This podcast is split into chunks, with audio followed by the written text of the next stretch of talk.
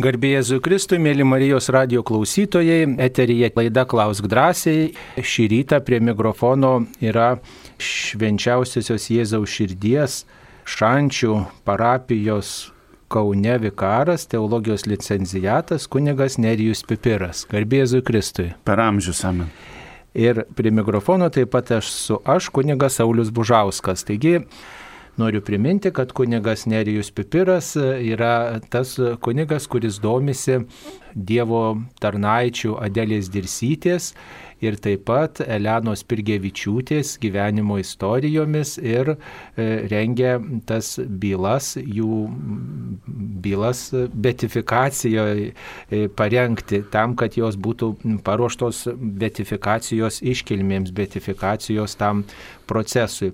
E, ir taip pat jūs rašėte darbą, mielas kunigė Nerijau, apie vyskupą Reinį. Taip? Taip. Mečislovą Reinį. Tai vad, jeigu žmonės mėlyje įdomitės šiais palaimintaisiais mūsų Lietuvos kankiniais ir tokiais tikėjimo skelbėjais, kurie net gyvybę savo atidavė už tikėjimą, už krikščionišką gyvenimą, už darybės, tai galite įvairius klausimus siūsti arba skambinkite ir tiesiai kunigo Nerijaus paklausite. Taip pat kunigas Nerijus yra ir, ir E, klinikų kapelionas, taip pat galite klausti klausimų susijusių su ligonių sielovada. Ir kokiu dar sritimi domitės, kunigė Nerijau? Pajuokausiu, truputėlį domiuosi Marijos radiju. Va, E, Jau gerai. beveik 15 metų e, esu kartu su Marijos radiju, taigi jums, mėly Marijos radijo klausytojai, tikiuosi esu e, gerai pažįstamas ir šitos valandos, kada mes būsime kartu, aš tikiuosi, kad tai, tai bus valanda skirta tiek man, tiek jūsų, tiek mano, tiek jūsų augimui. Taip, tai kunigas Nerijus tikrai yra mūsų savanoris ir dėkoju Jums, kunigė Nerijau, kad Jūs visada atsiliepėte, kai tik tai e, kviečiame Jūs kokiai vienai kitai iniciatyvai. Mėly Marijos radio klausytojai, praeitą šeštadienį, praeitą savaitgalį vyko Marijatonas, tai yra tokia, toks laikas, tokia proga, kai mes kalbame apie Marijos radio misiją ir mm, dėkojame visiems, kurie prisideda prie šios misijos ir įvairių žmonės paliudyja, kodėl reikia klausytis Marijos radio, kodėl čia savanoriauja. Ir taip pat Marijatono metu renkamos aukos Marijos radijo išlaikymui ir taip pat Lietuvoje renkamos aukos naujo pastato įrengimui ir taip pat koplyčios užbaigimo darbams. Taigi galime maždaug pasakyti, kad per Marijatoną surinkome apie 50 tūkstančių eurų. Tai tokia suma reikalinga mums kiekvieną mėnesį įsilaikyti tam, kad būtų taip sakant, sumokėmi mokesčiai už dažnius, už šildymą, už elektrą, visi komunaliniai mokesčiai ir taip pat algos keliams darbuotojams, kurie čia e, užtikrina Marijos radio transliacijų m, tokį testinumą. Taigi, ačiū visiems aukotojams, nuoširdžiai dėkojame ir už mažą, kuklę auką, ir už didesnę auką, nors tas Marijatono vajus, galima sakyti, baigėsi, tačiau visada galima prisidėti prie Marijos radio gyvavimo ir mm, tiesiog mm, sugalvoti būdą, kaip galime palaikyti šį Dievo laiminamą įrankį. Vienas iš būdų yra skambinti telefonu 1622 ir tokiu būdu paukoti 3 eurus, jeigu, e, žodžiu, skambiname iš telija laidinio telefono arba mobilaus telefono, taip pat iš tele2 abonento.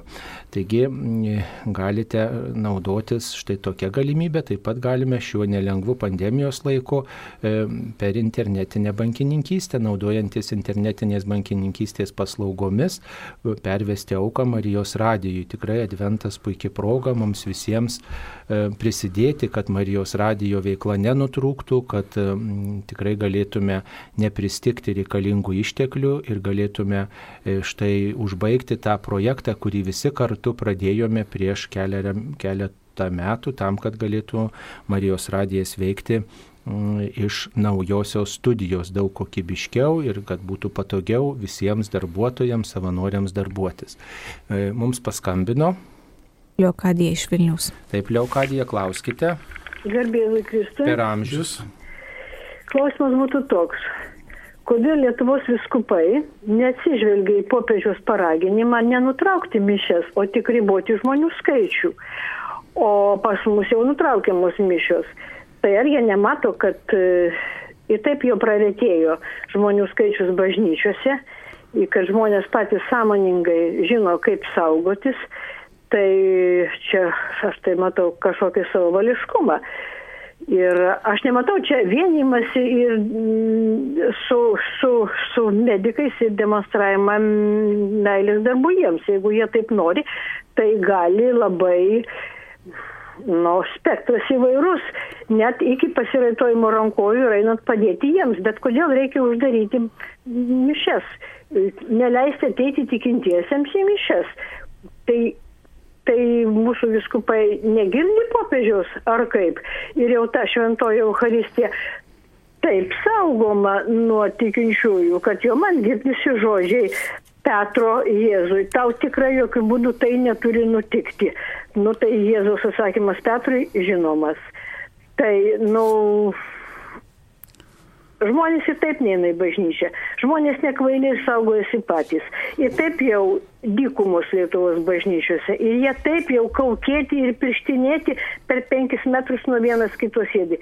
Tai nuo ko saugojama? Aš tai nežinau, ar jau stabai lenkiamas Lietuvos bažnyčiai, kuris vadinasi COVID virusas. Taip, ačiū už jūsų tokį e, išsamų e, klausimą. Tikrai e, komuniją galima priimti bažnyčiose, nėra taip, kad atikintieji nuo komunijos yra atitraukti.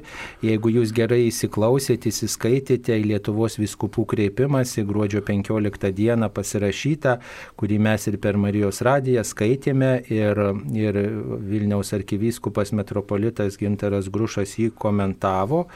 E, taigi galima prieiti ir iš pažinties, galima priimti ir šventą komuniją, tik tai reikia susitarti su bažnyčios kunigu, kad nebūtų didelių susibūrimų. Matot, bažnyčia, na, jinai vis tiek mes priklausom, kaip sakant, šiai valstybė, esam šios valstybės piliečiai ir nors mes rūpinamės išganimu ir, ir, ir mūsų žvilgsnis į dangų nukreiptas, tačiau vis tiek esam kviečiami ir pasirūpinti tais, kurie yra šalia mūsų. Aišku, tas sprendimas yra na, labai toksai mm, nu, daugelio žmonių diskutuojamas, skaudžiai priimamas ir kiek teko girdėti ir patys viskupai labai ilgai šitą svarstė, labai ilgai svarstė šitą klausimą. Nėra taip, kad čia susėdo, nutarė, uždarom ir atitraukiam žmonės nuo Dievo. Tikrai e, taip nebuvo. Kiek žinau, labai svarstė įvairius e, ekspertus, išklausinėjo patys, išsakė įvairias nuomonės, įvairius variantus svarstė ir vis dėlto buvo priimtas toks sprendimas, koks dabar yra pagarsintas. Tai e, tas, kas nori priimti šventąją komuniją, tikrai suras būdą, kaip tą padaryti. Ir tai yra svarbiausia - priimti šventąją komuniją, atlikti išpažinti, būti maloti nes būsenoje ir uoliai melstis. O kad negalime gyvai dalyvauti būry bendruomenė šventose mišiose, na tai priimkim kaip tam tikrą, na tam tikrą išbandymą, žinot, mes būkim klusnus, kantrus, ištvermingi, ištikimi. Jeigu viskupai nusprendė, palaukim šiek tiek, galim stebėti mišes per televiziją šiuo momentu, bet komuniją galime priimti. Tikrai pasiskambinkit parapijos kunigui, kaip galima tą padaryti, kada yra dalinama komunija ir, ir tikrai galima priimti, nėra uždrausta. Va. Ir, ir, ir mišiuose taip pat galima dalyvauti nuotoliniu būdu. Tai nu, tokia, gali, tokia mm, situacija, nes matot žmonių susibūrime, žmonių susibūrime vienam nusičiaudėjus, nusikosėjus, virusas gali plisti, net jeigu ir tos kaukės, žiūrėkit, kaukės nešiojami jau kuris laikas, bet būdami tarp kitų žmonių vis tiek virusas plinta. Tai, tai vadinasi, tos kaukės nėra tokios labai efektyvios, kaip kažkam atrodo užsidėjau kaukę, tai jau galiu eiti ten į viruso epicentrą. Tai matyt, kad tik šiek tiek apsaugo tos kaukės ir, ir, ir vis tiek virusas plinta, nes mes ir kvepuojam ir tas virusas neklausia, ar tu tikintis, ar tu netikintis, kokia tavo situacija, kam tu priklausai. E, tai mes tiesiog nesilenkiam, kaip čia vat, klausytojas sakė, COVID stabui, bet mes e, atsižvelgiam į, į, į kitus žmonės, atsižvelgiam, kad norime atsižvelgti, stengiamės atsižvelgti ir, ir tą reikia daryti. Ir apie tai dar galėtų pasakyti ir kunigas Nerijus, kuris susiduria su tais ligoniais, kurie tikrai sunkiai serga. Iš tikrųjų, dar norėčiau truputėlį pridėti prie, prie kunigo Sauliaus e, tai, kad e, mišių niekas neuždraudė. Šventosios mišios yra aukojamos, kunigai aukoja šventasias mišes kiekvieną dieną, tačiau e, tikintiesiems nedalyvaujant. E, noriu taip pat priminti ir paraginti, kad e, šventasias mišes, šventųjų mišių intencijas mes galime taip pat ir užsakyti, kunigas melsis mūsų užsakytomis intencijomis, ypatingai kai būna kokios nors laidotuvės, yra viskupų e, laiške net ir e, išimtis padaryta, kad mirusio artimieji šventosiuose mišiuose gali dalyvauti. E, kitas dalykas, su kuriuo viskupai neišvengiamai susidūrė priimdami būtent tokį sprendimą, yra tas, kad visgi mes pagal šitos lygos rodiklius mes pirmaujame pasaulyje. Ir iš tikrųjų pavasarį panaši situacija buvo Italijoje. Italijoje taip pat buvo e, apribota apriboti ir, ir žmonių srautai, ir, ir e, net ir kai kurios bažnyčios pridarytos, privertos. Mes į, į savo šventovės taip pat galime ateiti tyliai asmeniniai maldai, švenčiausiojo sakramento adoracijai, buvimui kartu, kartu su viešpačiu ir tai yra labai svarbu.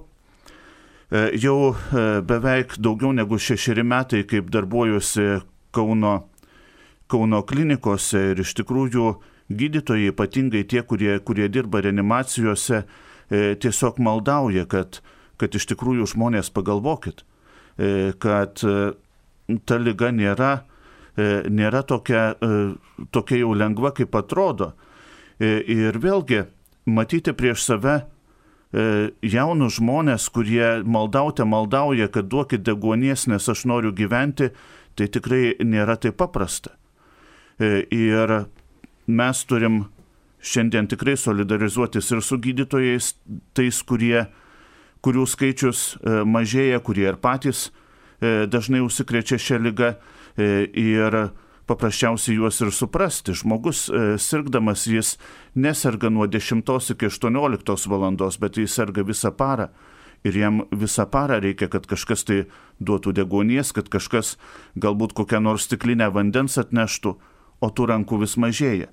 Taigi e, iš tikrųjų ir tas, e, tas sprendimas truputėlį galbūt adventą pergyventi šiek tiek kitaip, ir yra tam, kad nepristiktume mes tų rankų, kad neperdegtų mūsų, mūsų sistema, kad ir kokia jinai e, ji yra.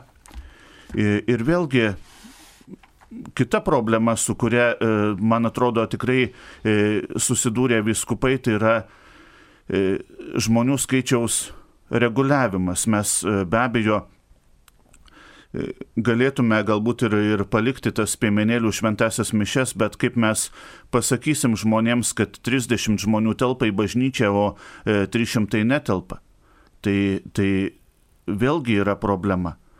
Tai iš tiesų galbūt šį laiką mes išgyvenkim truputėlį kitaip, bet išgyvenkim viltingai. E, būtų, būtų toks prašymas ir, ir svarbiausia šitam laikė E, yra nuoširdi malda, nuoširdus pasitikėjimas, nuoširdus buvimas e, su tais, kurie atrodo išgyvena e, tuos baisius išbandymus ir su tais, kurie stengiasi, kad skausmo nevilties būtų mažiau. Taip, ačiū, mums paskambino. Klausytoja Milda iš Ariogalos. Taip, Milda, klauskite. Garbėjai Jėzui Kristui. Per amžius. Prieš keletą metų aš gavau padėką atviruką, tokį lankstinuką čia užrašyta viešpatės Kristaus veidas pagal turinų drobulę. Ar aš galiu manyti, kad tai yra pats autentiškiausias atvaizdas, aš jį labai branginu, ar galiu nu, jį daugiau branginti negu kad kitus paveiksliukus? Na tikriausiai, tikriausiai taip, nes daugelis tokių liūdėjimų yra kad tiesiog tyrinėjimų, mokslininkų duomenų, kad, kad tai tikrai yra ta, ta drobulė, kuri buvo ant Jėzaus kūno. Jėzus buvo įviniotas po mirties į tą drobulę ir štai ta, ta drobulė yra saugoma turinė Italijoje. Tai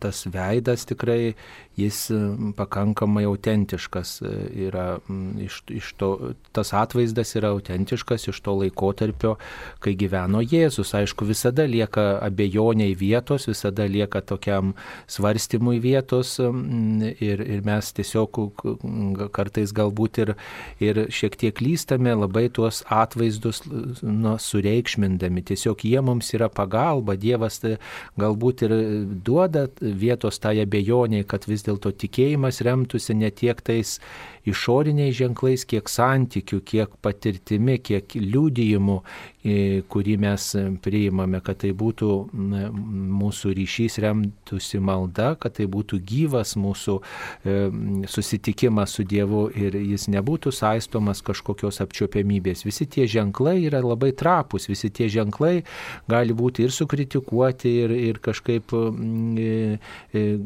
gali ir išnykti, ir būti sunaikinti ir panašiai, bet, bet reiškia gyvas santykis su Dievu, jis nepasiduoda nei laikui, nei naikinimui, jis, jis yra tai, kas yra amžina. Tai jeigu iš istorinės tokios perspektyvos žiūrint taip, tai tikrai yra daug sąsajų su Kristumi turintis ženklas, su tuo Kristaus gyventų laikotarpiu ir, ir daug yra atitikmenų su Evangelijoje prašytų Kristaus kančios keliu ir, ir nukryžiavimu ir, ir panašiais dalykais, tai jeigu jums sutikėjimą tai maitina, tai tikrai na, nebus klaidos, jeigu mes tą atvaizdą laikysim patikimu ir tikrai tokiu autentišku Kristaus atvaizdu. Taip, e, dabar m, dar e, turime klausimų tokių apie e, komuniją kurią priima Dauno sindromo, sindromą turintis žmogus. Ar šią lygą sergantis gali tai daryti, ar neturėtų gauti tik palaiminimą. Iš tikrųjų, čia norėčiau pasidalinti ir tam tikrų liūdėjimų. Dar seminarijos, e, buvimo seminarijoje laiku buvo paskirtas į e, globos įstaigą, kur, kuri rūpinosi Dauno sindromais, e, sindromu sergančiais žmonėmis. Ir iš tikrųjų e, ten e, nuvykęs aš pajutau, kad būti šalia tų žmonių yra labai, e, labai gera, kad jie, kad ir ką bedarytų, aišku, tie darbeliai yra patys mažiausi, patys lengviausi mūsų, mūsų akimis žiūrint, jie tai daro labai nuoširdžiai. Ir kai teko tokius žmonės ruošti ir pirmai komunijai, ir, ir krikštui, ir išpažinčiai, aš jaučiau, kad jie visą tą tikrovę priima taip kaip kūdikiai. Ir to kūdikiškumo, e, man atrodo, labiausiai reikia e, ir mūsų dienomis. E, Maničiau, kad iš tikrųjų priimti šventąją komuniją tokie žmonės gali, jeigu jie suvokia, kad konsekruotoje ostijoje yra tikrai Kristus, tikras Kristaus kūnas. Iš tikrųjų, Dauno sindromas, kaip ir kitos lygos, jos gali būti ir lengvesnio lygmens, ir sunkesnio lygmens. Ir jeigu žmogus, e, aišku, jau visiškai nesiorientuoja, kas kur ir, ir e, tikrai nesupranta, kad čia yra tikras Kristaus kūnas, jis galbūt ir negalėtų priimti šventosios komunijos. Tačiau suvokiant ir gebant pripažinti, kad kai kurie darbeliai, galbūt, e, kaip minėjau, patys lengviausi, jie nebuvo, e, nebuvo geri, suvokiant tai kaip nuodėmė, jis gali e, atlikti ir, ir net ir išpažinti ir be abejo priimti komuniją. Taigi tikrai nematau problemos, o iš kitos pusės, būdamas tarptų žmonių, iš tikrųjų jaučiuosi ir labai išlaisvintas, ir labai E, labai, taip sakant, gerai, e, galbūt net ir, net ir geriau negu kad prie taip vadinamų normalių žmonių. Ir jaučiu, kad e, kartais galbūt ir bažnyčia turi, turėtų būti tokia nuoširdį ir maža kaip tie, kaip tie mažieji Kristaus bičiuliai. Ir kai švenčiau primicijas, tai pirmiausia, vienas iš kvietimų buvo visai šitai bendruomeniai, kuri gali gali atvykti, gali, gali ateiti, kad, kad jie dalyvautų pirmų numerių. Tai man tai buvo labai svarbu. E, taip, e, Dauno sindromą e, turinčių žmonės, jų šeimas ir artimuosius Lietuvoje ir visame pasaulyje palydi tokia bendruomenė, tikėjimas ir šviesa. Tai yra ne tik tai krikščioniška bendruomenė, bet ir, ir taip pat katalikiška bendruomenė, jos veikloje dalyvauja ir kunigai, ir viskupai, kaip kapelionai, ir tikrai mm, ta bendruomenė rūpinasi, kad e, Dauno sindromą turintis žmogus būtų palydimas, nes aišku, vienam tam žmogui tikėti, suvokti, kad komunijoje pasilieka pats Kristus, gali būti sunku. Ir štai bendraudami su tokiais žmonėmis mes galime nepaprastai e, giliai suprasti, kad tikėjimas nėra tik tai mano santykis su Dievu, kad tai yra bendruomeniškas dalykas, kad mes tikėjimą e, gauname iš kitų žmonių žmonių ir kiti žmonės mums padeda jį palaikyti. Taigi šiuo atveju E, Dauno sindromą turinčių žmonių silovada turėtų rūpintis ne tik tai kunigas tos parapijos, bet ir jo artimieji, jo šeimos nariai, jo bendruomenės nariai. Ir tikrai kartu su kitais žmogus gali negalę Dauno sindromą turintis žmogus, tokią negalę turintis žmogus gali kartu su kitais pasiruošti, išgyventi ir atgailą, ir, ir pailgėtis komunijos, ir ją pagarbiai priimti, ir melstis, ir tikrai jie nuoširdžiai tą daro, tik tai reikia tokio liūdėjimo šalia, kad ir kiti žmonės, kurie turi tokį didesnį, gilesnį protinį pažinimą, tokius žmonės palydėtų, jiems padėtų. Tai ne tik tai, kad pamatėm žmogų, aha, jis neturi teisės, jis turi tik palaiminimo. O teisės mes ne vienas neturim, tai yra dovana. Ir tai dovanai mes ne tik patys ruošiamės, bet ir esame atsakingi, kad ir kiti tinkamai pasiruoštų. Taigi tas galioja ne tik tai žmogui su negale, bet taip pat ir vaikai. Jie patys vieni, tai jie po pirmos komunijos nelankys bažnyčios. Tėvai turi padėti jiems ugdyti jų tikėjimą, duoti pavyzdį, skatinti atgailos dvasę ir, ir, ir štai patys kalbėti apie komunijos svarbą, apie tai, kad ten Dievas pasilieka, nes ir tas vaikas turintis pilną protinį pažinimą, jis irgi pamirš, jam nebus tai svarbu, jeigu jo tikėjimas nebus nuolat ugdomas. Mums paskambino Egidijus iš Kauno. Taip, Gerbėsiu Kristui. Per amžius. Norėjau paklausyti Marijos nekaltą pasėjimą, kokios mėnesio gruodžio 8 dieną. Kas tai yra pagalvotas pasėjimas, nelabai aiškiai man tai aiškiai, anksčiau buvo, jinai, kaip ir, kaip ir ne, ne, ne išeigydė, buvo, buvo tarsi šventė, o dabar, kad mitina diena, klaus kartai, kada prasidėjo tas, kad pasėjimas Marijos. Taip, nekaltas švenčiausiosios mergelės Marijos prasidėjimas. E, Iš tikrųjų, kaip ir kiekvienas e, žmogus yra Dievo norėtas nuo pat e, mūsų istorijos pradžios, nuo pat, galima sakyti, ir pasaulio kūrimo pradžios, taip ir švenčiausioji mergelė Marija buvo Dievo, dievo išrinkta nuo pat pasaulio, pasaulio sukūrimo. Ir jeigu Jėva nusidėjo, Jėva nusisuko nuo E, nuo viešpaties, tai švenčiausioji mergelė Marija buvo ištikima viešpačiui.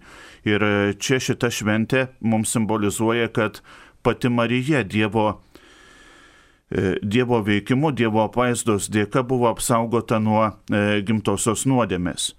Tradiciškai ši šventė yra švenčiama gruodžio 8 dieną, tai yra šitos dogmos paskelbimo E, dieną, kada 1854 metais popiežius e, paskelbė šitą dogmą.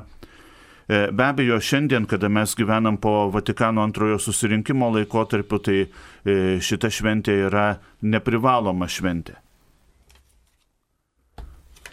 Taip, o ką jinai reiškia, kad kaip paaiškintume, kad mergelė Marija buvo apsaugota nuo pirmosios nuodėmės, nuo to neklusnumo, e, į kurį mes visi esame linkę nuo pat pradžių, nuo, nuo Domo ir Jėvos neklusnumo, maišto prieš Dievą, nuo to noro sukilti prieš Dievą, nepritarti Dievo planui, suabejoti jo valia, tai Marija nuo šitos nuodėmės buvo apsaugota, nuo, nuo jos nuodėmės ir nuo jos pasiekmių, bet tikriausiai visą gyvenimą mergelė Marija buvo taip pat atakuojama piktojo, nes kuo žmogus artėja prie Dievo, kuo labiau jo valią įgyvendina, tuo piktajam labiau nepatinka. Jeigu pats Jėzus Kristus buvo gundomas piktojo, tai įsivaizduokit, kaip piktajam nepatinka ir mergelė Marija.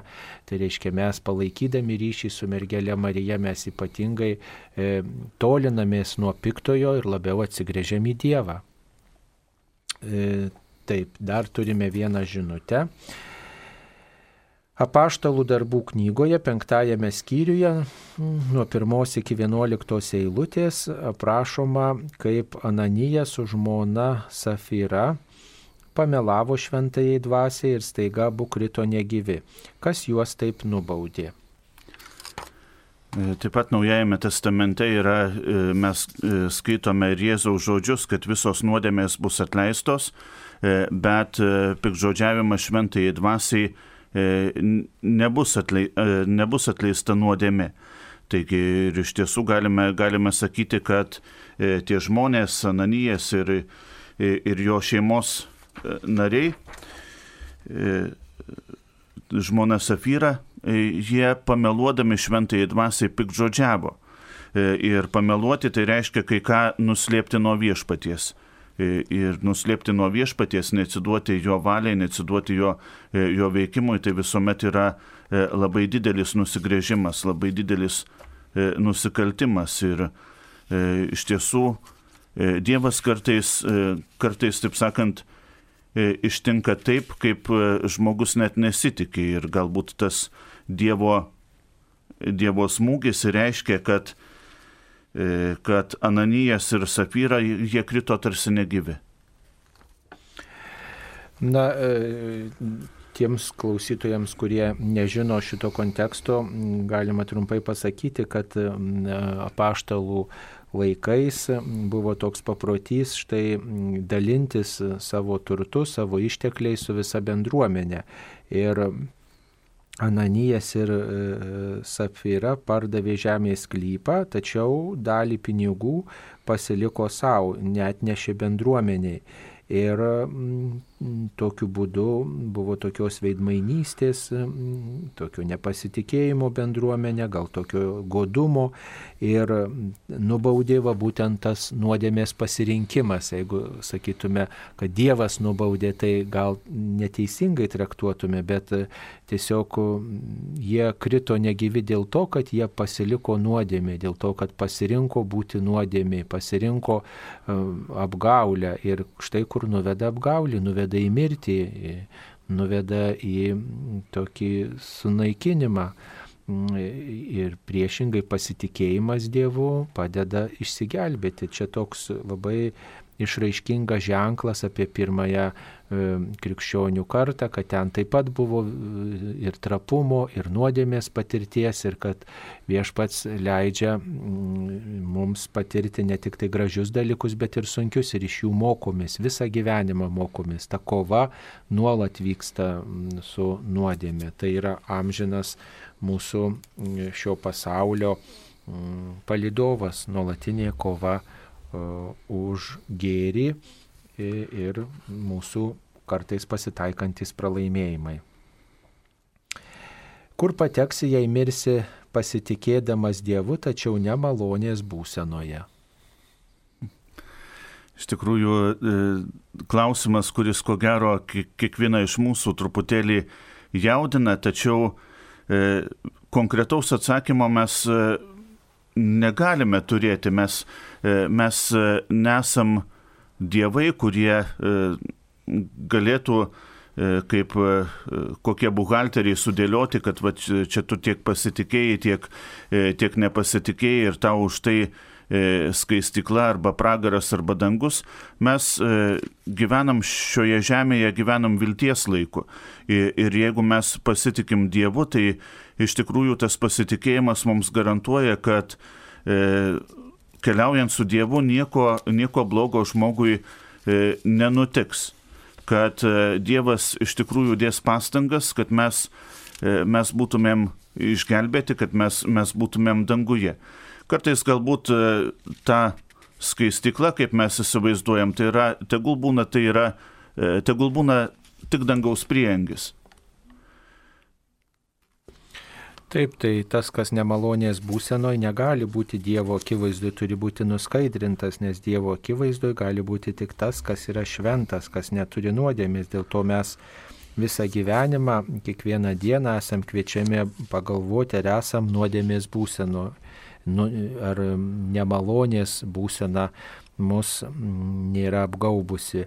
Ir kai mes padarom sunkę nuodėmę, ta nemalonės būsena jinai pasilieka. Tai reiškia, reikia eiti iš pažinties skubėti, išpažinti ir priimti e, Dievo atleidimą, atlikti atgailą ir Dievo malonė tada tikrai žmogų apgaubė.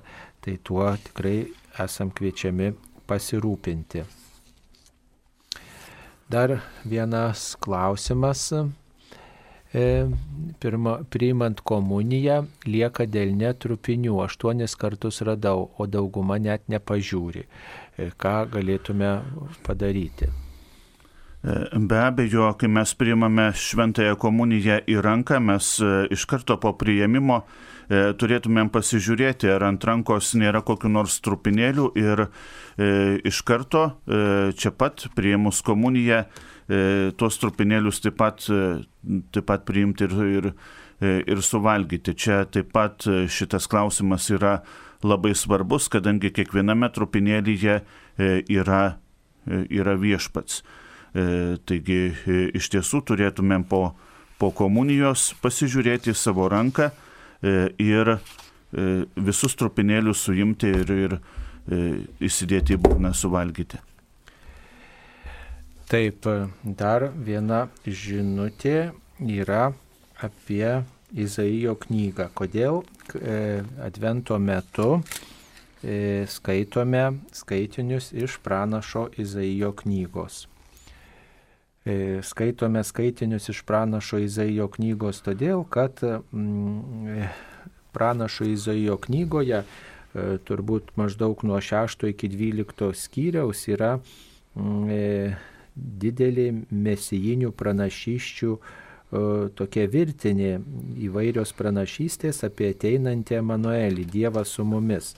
Ir krikščionis atpažįsta būtent tame Jėzaus Kristaus žinia, kad Jėzus, Dievas ir žmogus ateina ir jis yra lauktasis pranašų, skelbtasis Ir dėl to štai e, advento metu laukdami Jėzaus Kristaus e, gimimo iškilmės ir taip pat laukdami Jėzaus ateinančio laikų pabaigoje kaip teisėjo, žmonių gelbėtojo, skaitome tas pranašystės ir vienijame su daugybė pranašų, ne tik tai su pranašu Izaiju, kurie laukė e, ateinančio Dievo gelbėtojo ir kurie skelbė, kad jis ateis ir atstatys karalystę Tai Jėzus yra tas, kuris kalba apie tėvo karalystę, kuri e, jau prasideda žemėje, bet, e, bet e, tiesiog pilnatvėje įsiskleis amžinybėje.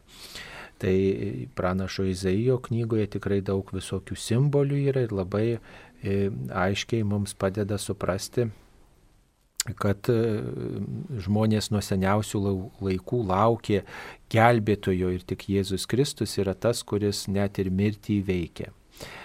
Koks bažnyčios požiūris į skiepus, ar galima skiepytis nuo COVID?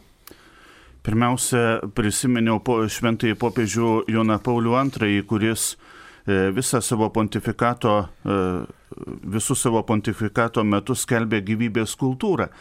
Ir šitoj vietoje E, taip pat e, mes, e, tikintieji, turėtumėm stengtis, kad būtų kuo mažiau lygų, kuo mažiau, kuo mažiau įvairių, įvairių tokių situacijų, kurios paskatintų plisti, plisti įvairioms lygoms.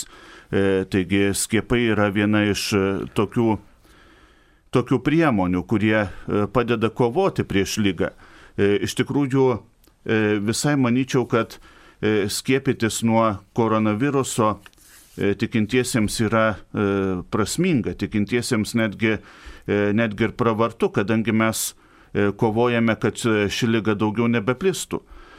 Iš kitos pusės turbūt mes galime skaityti įvairių įvairių teorijų ir tos teorijos tikrai yra gyvos, jas paskatina ir gana greitas vakcinos išradimas, įvairios abejonės, kiek, kiek ta vakcina bus veiksminga, kiek sudarys mūsų imunitetą ir taip toliau. Be abejo, tos abejonės, tos, tos teorijos galbūt yra ir teisingos, tačiau visgi mes turėtumėm atsižvelgti į tai, kad tikintieji turėtų rinktis mažesnį blogį. Tai yra E, šiuo atveju neskatinti lygos plitimo, e, bet stengtis, kad e, tų lygų, tų, tų lygų būtų mažiau, tie skaičiai būtų, būtų mažesni. Taigi iš tiesų aš tikrai nematyčiau nieko blogo skiepytis. Skiepytis, kad, kad iš tikrųjų susidarytų šioks toks atsparumas šiai lygai ir, e, ir kitoms lygoms. Ir taip pat e, noriu atkreipti dėmesį, kad mes turime būti atsakingi ne tik tai prieš e, koronavirusą, ne tik tai prieš COVID-19, bet turime, turim būti atsakingi ir tuomet, kada yra e, sezoninis gripo, e, e, gripo sezonai. E, taip pat e, turėtumėm e, labiau dėmesio skirti savo hygienai, savo rankų plovimams, galbūt kartais ir kokią nors kaukę nešioti. E, mes turim būti atsakingi vieni už kitus, kai mūsų visuomenėje labai plinta e, ir tuberkuliozė, taigi e, iš tiesų skiepytis turime ne tik tai nuo COVID-19, bet ir, bet ir nuo kitų įvairiausių lygų, stengiantis, kad tų lygų plitimas nevirstų pandemija. Taip, mums paskambino. Edita iš Alitaus. Taip, Edita, klauskite. Labą rytą, tokius du klausimus turiu. Pirmiausia, iš praktikos. E, tikrai jūs minėjot va čia neseniai, kad yra Dauno sindromo vaikai arba žmonės ir yra jų bendruomenė, kuri rūpinasi visais jų poreikiais ir ypač dvasiniais. Bet realybėje nėra taip plačiai neįsivyš, per Lietuvą įsiplėtusi tą organizaciją. Ir iš tikrųjų e, truputį mažesnė mieste, kaip ir, sakykime, konkrečiai mūsų teritorija Lietuvos, nėra tokios bendruomenės. Ir tada tokiem žmonėms su negale ar kita yra, nėra tokios galimybės e, lankyti mišęs. Jie, jie kitaip reaguoja, priima ir jiems per sudėtinga, kitiems triukšmas sukelia, vieni toleruoja, kiti ne. Tai kaip ir nėra iš tikrųjų praktiniai situacijai su vyresnė negalė, žemesnio intelekto žmonėms, būti to erdvėje. Sudėtingas dalykas. Kitas dalykas, e, kaip su komunija, jūs minėjot, kad galima. Ir jūs gerai žinote, esate tiesiog tiek praėjęs daug mokslų. E, taip, jų yra įvairiausių formų ir lygių, e, tačiau yra bendraja prasme ne tik apie Dauną, na jie niekada gali nepasiekti. Ir kas gali pamatuoti jų gebėjimą suvokimo lyginu niekaip. Ir man tai iš tikrųjų yra liūdna, kai būna, tarkim, tikrai jie ligoniai ir jų tos lygų daug puokštė ir būna sudėtingų dalykų ir jie negali priimti komunijos. Ortodoksų bažnyčia net vaikučius įkrikščionina. O ypač va tokius silpnus įvairiausių formų lygų, ar ne? Nu, jie negali, jiems uždaryta ir jie paliekami e, dvasiniai dikumoje tam tikrą prasme. Tai va ta liūdna, ar tai nereikėtų pagalvoti, nes jie irgi bažnyčios nariai. Taip. Kažkaip tada gaunasi savotiškas ignoravimas tų žmonių. Taip, supratome. Kaip gali padėti šitoj vietoje ar kažkaip išdiskutuoti? E, paprasčiausia, mėloji, arčiausiai jūsų, kiek žinau, yra tikėjimo šviesos bendruomenė Marijampolėje. Tai galima susisiekti su Marijampolės tikėjimo šviesos bendruomenė ir palaikyti ryšius ir tiesiog jungtis drauge ir, ir pasirenkti štai komunijos prieimimui. E, aišku, pamatuoti yra sunku, bet e, matot, jeigu yra tie žmonės, kurie palydi, tai savotiškai jie visą gyvenimą ir garantuoja, kad tas žmogus ruošiasi, kad tas žmogus eina tuo tikėjimo e, atradimo, tikėjimo suvokimo keliu. Gal ir labai mažai žingsneliais, bet tikrai eina. Man pačiam teko dalyvauti daugybę metų tikėjimo šviesos bendruomenės veikloje, atlikti kapeliono pareigas ir aš puikiai mačiau, kad tie žmonės, kurie turi sunkę negalę, jie kartais daug ilgiau ištveria tylioj maldoj, jie nuoširdžiai nuoširdžiai meldžiasi, štai kai sudaromos sąlygos, nei, nei daugelis kitų žmonių. Tai tiesiog tas palydėjimas turi nuolat vykti, o jeigu jūs tikrai savo miestelį neturite, tos bendruomenės galite būti viena iš iniciatorių jos atsiradimo. Štai susisiekite su visos Lietuvos tikėjimo šviesos atsakingąją e, e, Silvija Knezekytė, kuri darbuojasi Kaune. E, jeigu jūs atsiųstumėt žinutę mums, tai galėtume jos ir kontaktus jums atsiųsti. Tai e, tikrai galime tapti tais iniciatoriais bendruomenės atsiradimo mūsų miestelėje, mūsų, mūsų mieste, kur jos dar ir nėra. Tai tikrai ta bendruomenė gyvuoja visoje Lietuvoje, yra visos, visoje Lietuvoje įvairiuose miestuose e, tokių mažų bendruomenėlių ir tikrai siks nuo sikio susitinka žmonės, kai, kai buvo galima, o dabar palaiko e, per nuotolį tokį ryšį, draugystę puoselėje. Tikrai tas ugdymas gali būti mm, vykdomas. Tik ačiū, kad jūs tikrai domitės ir kad jums ne vis tiek. Mums... E, aš taip pat dar norėčiau e, truputėlį pridėti ir, ir paskatinti, kad e, iš tikrųjų pagal galimybės junkitės į bendruomenę, bendraukit su tų žmonių šeimomis. E, šiandien mes vis, e, Lietuvos visuomenėje mes išgyvenam tą truputėlį galbūt ir samoningumo stoką ir aš visiškai suprantu tuos žmonės, kurių, kuriems ištiko ta nelaimė, gimė vaikas su, su Dauno sindromu arba su daugybė kitų lygų dėl to, kad netgi išeiti į gatvę nėra taip paprasta. E, ir tikrai e, susidurėm su, e, su tuo, kad ir badimai pirštais, ir, ir tam tikri priekaištai, kad vat, šitie žmonės turi būti kažku, kažkaip tai izoliuoti nuo visuomenės, ar dar kažką tai, kad jie negali integruotis į visuomenę, tai akivaizdus ir labai skaudina. Be abejo, skaudina ir galbūt ir tikinčiųjų tam tikras požiūris. Aš irgi esu susidūręs e, su situacija, kai e, bažnyčioje netgi buvo pasakyta, kad e, čia ne vieta tokiems. Taigi tas mažutėliškumas, jis yra tam tikras iššūkis ir, ir pačiai parapijos bendruomeniai, ir patiems kunigams, nes kad žmonės suvoktų, pavyzdžiui, šventasias mišes ar E, kokią nors maldą, ta malda turi būti kūdikio lygio.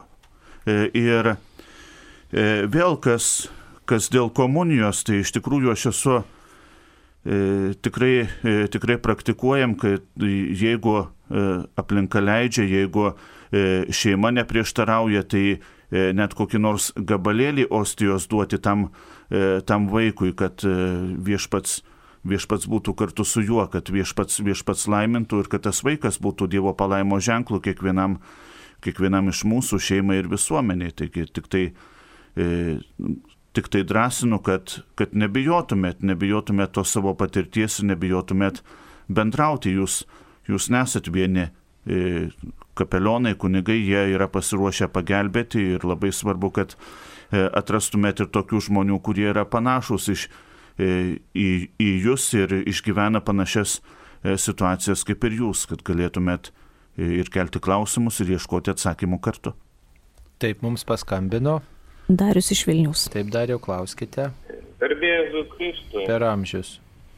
Tęsant tą temą dėl skiepų, nes čia žinot, nu, bent jau internete visur eina tokios kalbos, kad jie galbūt ten iš aborto medžiagų padaryti ir panašiai, tai iš tikrųjų gal bažnyčia turi daugiau domenų ir galėtų pa, pa, nu, pagrįsti, kad iš, tik, iš tikrųjų ne iš tokių medžiagų jie daromi ir, ir nu, tiesiog nuraminti žmonės, nes yra visokios informacijos ir vieni bijo ypač, sakykime, protestantai, kad, kad skiepai daromi iš abortų medžiagų ir užtat nu, netiška nemoralu skiepytis dėl to. Tai jeigu galit paneikit ar, ar, ar patvirtinkit, ačiū. Be abejo, mes negalėtumėm nei paneigti, nei patvirtinti, nes e, neturim e, tos, tos sudėties, kurie iš tikrųjų e, yra, yra kiekvienoje vakcinoje. E, iš kitos pusės tikintieji mes visuomet turime rinktis mažesnį blogį ir aš manau, kad e, mažesnis blogis būtų pasiskiepyti, negu kad leisti lygai plisti savaime ir, ir ir skatinti net ir tokią situaciją, kada už savo artimo, artimo žmogaus mirtį, savo visuomenės nario mirtį mes esame E, vienaip ar kitaip atsakingi, atsakingi, kad nesisaugojom. Taip, e, kol kas e, duomenų apie skiepus nėra ir bažnyčia, nėra bažnyčios užduotis turbūt to, to domėtis. Čia mokslininkai turi pateikti, medikai, taip sakant, tų vakcinų sudėti. E, bažnyčios užduotis vis dėlto rūpinti žmonių išganimu. Ir, ir tiesiog kol kas tikrai bažnyčia nepasisako, kad skiepai e, na, kenktų ir būtų nemorali priemonė. Tikrai bažnyčia palaiko kol kas skiepus ir, ir, ir, ir kai bus tik tai galimybė, skatina žmonės skiepytis. Tai yra e, kaip ir kiti skiepai, jie, jie reikalingi ir yra sustabdę daugybę užkrečiamų lygų taip ir šitas skiepas tikriausiai daugeliu žmonių padės na, išvengti šitos pražutingos lygos. E, Taip, turime mm, dar e, vieną žinutę. Ar nereikėtų labiau pasitikėti Dievu gyventi ar mirti, apsprendžia Dievas, o ne mūsų norai. Taip, visiškai tam pritarėm. Reikia pasitikėti Dievu, tačiau Dievas davė mums ir protą, kad mes galėtume juo pasitikėti, tačiau ir patys daryti tai, ką galime. Tas, kas e, tikrai sveikam protui neprieštarauja. Ir viešpats kviečia bendradarbiauti su juo. Aš pridėsiu galbūt tik tai tokią patarlę, kad jeigu pats saugosies, tuomet ir Dievas saugos. Ir kartais e, mūsų apsisprendimai jie būna, būna katastrofiški, kai mes, e, vat, pavyzdžiui, apsisprendžiam nesilaikyti kelių eismo taisyklių ir, ir, e, ir rizikuoti ir savo gyvybėmis, ir, ir kitų gyvybėmis, arba apsisprendžiame net ir labai labai baisiai, ar nutraukti gyvybę, nutraukti neštumą ir taip toliau. E, visgi tai ir yra die, pasitikėjimo Dievu stoka, kad, kad mes nepasitikim Dievu, kad Jis gali, gali apsaugoti, kad Jis gali e, išvesti mus iš bet kokios situacijos, e, tačiau reikia ir mums pergyventi tą situaciją. Taigi tikrai saugokimės ir, ir Dievas, dievas saugos. O jeigu nesisaugosim, tai galbūt ir Dievas nesaugos ir klaidinga manyti, kad jeigu, pavyzdžiui, vartojam vaistus ar vartojam, e, reiškia, yra priimami skiepai, tai čia mes sukylam prieš Dievo valią. Tikrai tai nėra, nes Dievas, jisai, e, kai norės mus pasišaukti, nei vaistai, nei, nei skiepai niekas neišgelbės. Ir net ir senų žmonių patarlė yra nuo smerčio nėra žolelės. Reiškia, jeigu jau bus viešpats nutars, kad tau žmogau užtenka šitoj žemėje kelionę keliauti, tai tai net pati geriausia medicina neišgelbės, juk miršta net ir įtakingi, turtingi, gerai aprūpinti žmonės, kurie ir pažinčių turi, ir kurie, taip sakant, aprūpinti įvairiais preparatais,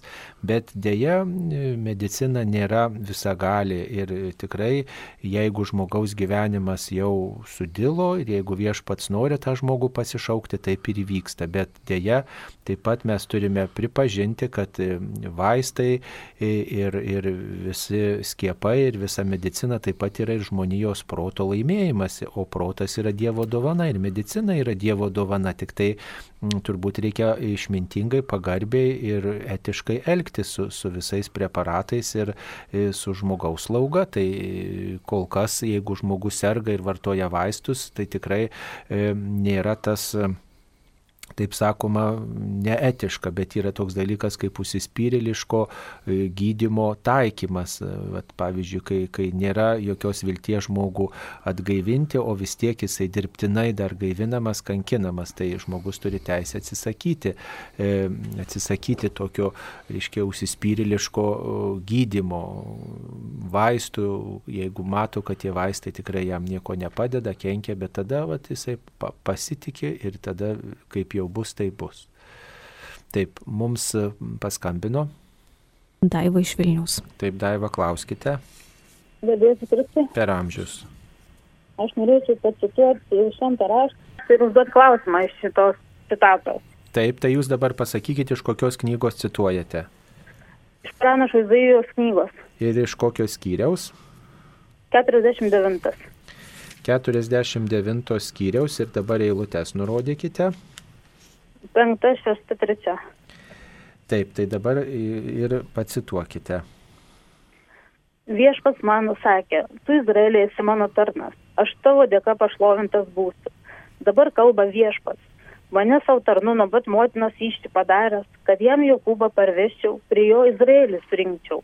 Aš pagerbtas viešpatės akise, mano Dievas, mano stiprybė. Jis tarė, per maža tau būti mano tarnu, tik Jokūbo gentims atgaivinti, išgelbėtėms Izraelio žmonėms sugražinti.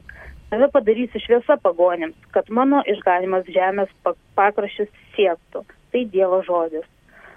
Noriu paklausti, kaip reikia mums paprastiems pasauliečiams būti šviesa pasauliečiams būti šviesa. Šita ištrauka, kurią jūs perskaitėte, gali būti tapatinama e, su visa išrinktąją tauta. Tas e, tarnas e, gali būti kartu ir visa tauta, kuri štai kuri išrinkta būti Dievo žinios nešėja kitiems. Ir ta išrinktoji tauta ir turėjo tokią užduotį atlikti. E, o mes, kaip galime e, šitą naujoji Dievo tauta po Kristaus būti šviesa, tai paprasčiausiai laikydamiesi Dievo žodžio. Jeigu mes gyvenam pagal Dievo žodį, jeigu stengiamės skaityti Dievo žodį, jį suprasti, jį gyvendinti, tai tokiu būdu apšviečiam savo gyvenimo istoriją, tokiu būdu mes esam tiesoj ir ta tiesa, na, tarsi šviesa mums padeda susigaudyti, o kur yra nuodėmė, kur yra klaida, kur yra pavojus, panašiai kaip uždegta šviesa padeda matyti, kur yra daiktai, kur yra kelias, kur galiu praeiti, e, neužsigauti, neišversti kokio kibiro ar puodo kokio, bet galiu saugiai nueiti, kur esu užsibrėžęs, taip ir, taip ir ta tiesa apie mūsų gyvenimą, kur yra nuodėmė, nuodėmė, kur yra klaida, o kur yra tikslas, kur yra saugus kelias, padeda gyventi. Taigi laikytis Dievo žodžio, laikytis artimo meilės, mylėti viešpati ir tai reiškia būti šviesa. Ir pats Kristus juk yra pasakęs, aš pasaulio šviesa, kas seka manimi nebevaikščios tamsybėse. Taigi iš tiesų mes būsime šviesa ir apšviesime vieni kitus, jeigu Kristus visada bus mūsų horizonte, e, bus visada priešais mūsų akis. E, taip, e, dabar dar žinutė tokia yra. Mano mama neturėjo galimybės, tai aš už ją devynis mėnesių, devynis mėnesių penktadienius ėjau iš pažinties ir prieimiau komuniją. Mama mirė gailestingumo valandą. 15 val. 30 min. aš galvoju, kad tai palaima Dievo dovana ar taip.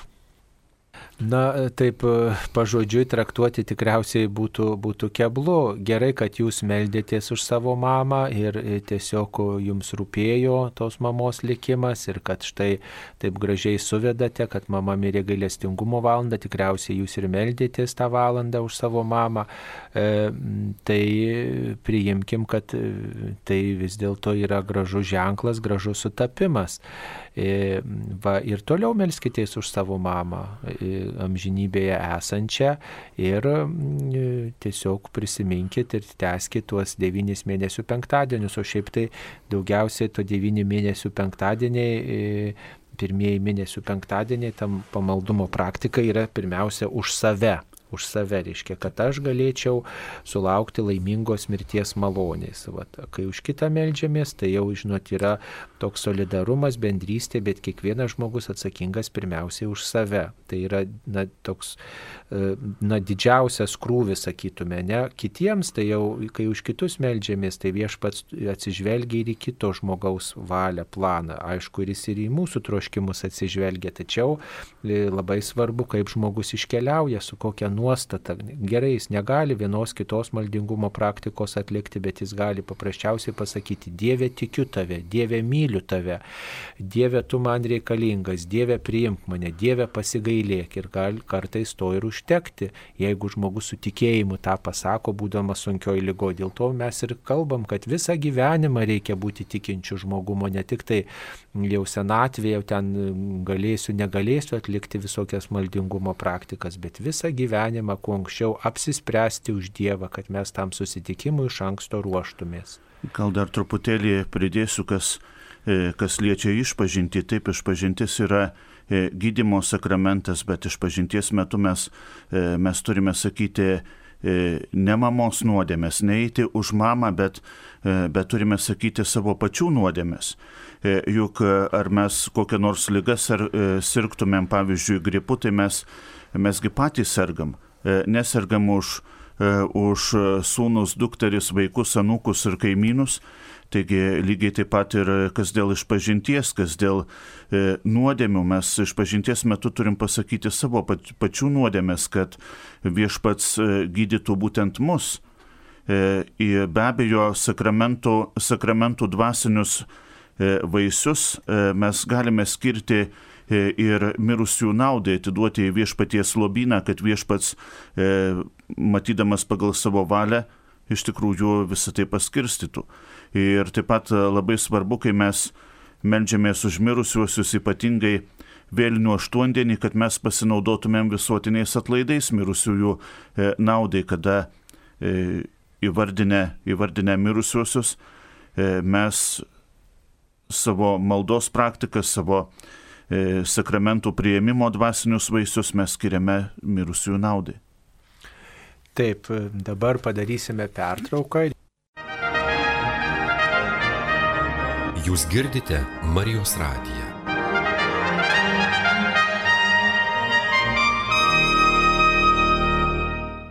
Tu es grand Dieu saint, loué soit ton nom, tu es grand Dieu fort. et nous célébrons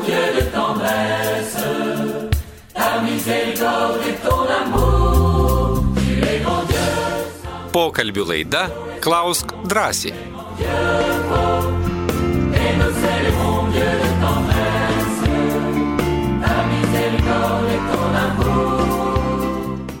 Mėly Marijos radio klausytojai, tęsėme laidą Klaus drąsiai. Šioje laidoje šiandien dalyvauja kunigas Nerijus Pipiras iš Kauno švenčiausiosios Jėzaus širdies bažnyčios, taip pat ir aš kunigas Saulis Bužauskas. Kaip suprasti, jei net bažnyčioje plotkelės dalina žmonės be kaukių? Na, kaip suprasti, tai taip ir suprasti, gal nespėjo užsidėti, gal neturi, gal pametė, na tai mm, galit padovanoti naują kaukę tam žmogui, kuris dalina mm, kalėdaičius be kaukės, arba pasakyti, žinot, būkite geras, susidėkit kaukę, tikrai būkite geras. Ir tiesiog tas žmogus gal užsidės, nu va, tai šitaip vienas kitam padėkim, priminkim, gal esam kit, kitą kartą ir užmaršus, ir, ir, ir skubam, ir, ir taip, bet tiesiog geranoriškai palaikykim ir padėkim vienas kitam. Taip, dar mums atėjo tokia viena žinutė apie ligonių sakramentą. Jį žmogus priemė kovo mėnesį, buvo diagnozuotas vėžys, kada vėl galima arba reikėtų priimti ligonių sakramentą, jaučiuosi neblogai. Ligonių sakramentas yra e, gydimo sakramentas ir jį iš tikrųjų galima ir kartoti. E, kartoti tada, kada būklė pablogėja. E, ir e, paprastai e, ligonių sakramentą galima teikti praėjus keletui mėnesių po, e, po ankstesnio teikimo. E, be abejo labai svarbu, kad e, žmogus jis e, galėtų atlikti išpažinti, priimti švenčiausiai sakramentą, priimti komuniją, dar būti, būti sąmoningas. Ypatingai svarbu, kad ligonių sakramentas būtų, būtų teikiamas ir prieš operaciją, prieš kokią, kokią nors svarbesnę ar didesnę procedūrą. Taip, tai paprastai turbūt tokio eiliškumo, jeigu laikosi žmonės, jeigu sunkiai serga štai ir priėmė ligonių sakramentą ir ta būklė nei blogėja, nei gerėja, tai e, paprastai taip jau sakoma, po pusės metų vėl galima priimti. Tai va, į metus porą kartų turbūt va, taip, taip. tam, kad nebūtų apsunkintas e, nei kunigas per nelik dažnai, kad tam mes sakramentui tiesiog pasiruoštume, galbūt apmastytume, e, prašytume sveikatos, bet jeigu pablogėja, tai galima ir e, kuo skubiau priimti, jeigu pablogėtų. Taigi, dabar apie Adelę Dirsytę ir Eleną Spirgevičiūtę. Ar tinka į jas melstis, kol jos nėra dar palaimintosios? Mums jos labai reikalingos, nes dažnai mm, viltis metų metais byra kaip smėlis. Iš tikrųjų, Adelė Dirsytė e, yra kaip mūsų vilties mokytoja ir e, prašyti tų žinomų ir nežinomų šventųjų, tų, e, kaip sakant, dangaus galybės užtarimo iš tikrųjų labai, labai yra prasminga. E, jinai yra Dievo tarnaitė ir tikrai savo maldomis e, jinai gali mus, mus užtarti.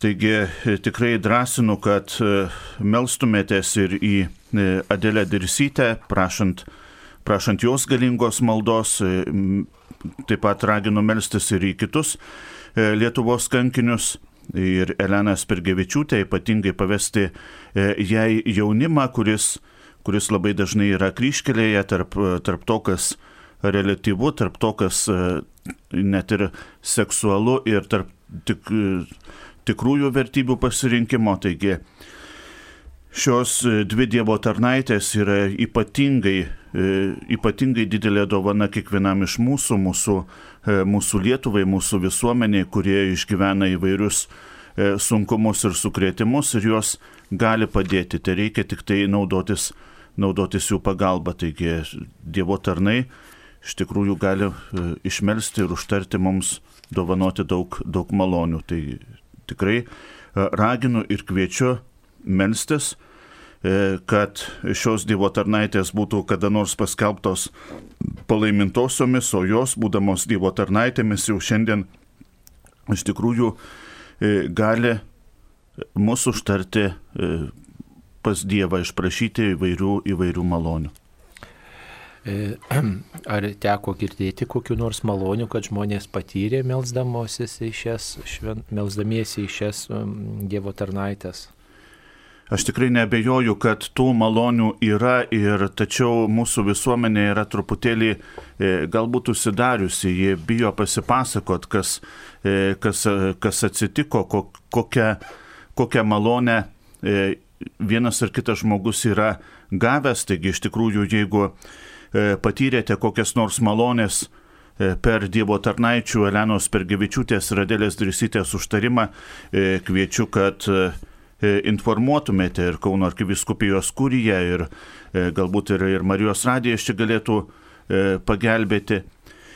Ir jeigu patyrėte kokiu nors kitų Dievo tarnų užtarimą, taigi drąsiai informuokit betifikacijos bylų tribunolus, kad malonių, malonių jau yra gauta, kad iš tikrųjų tas Dievo tarnas, taip sakant, dirba danguje. Taip mums paskambino.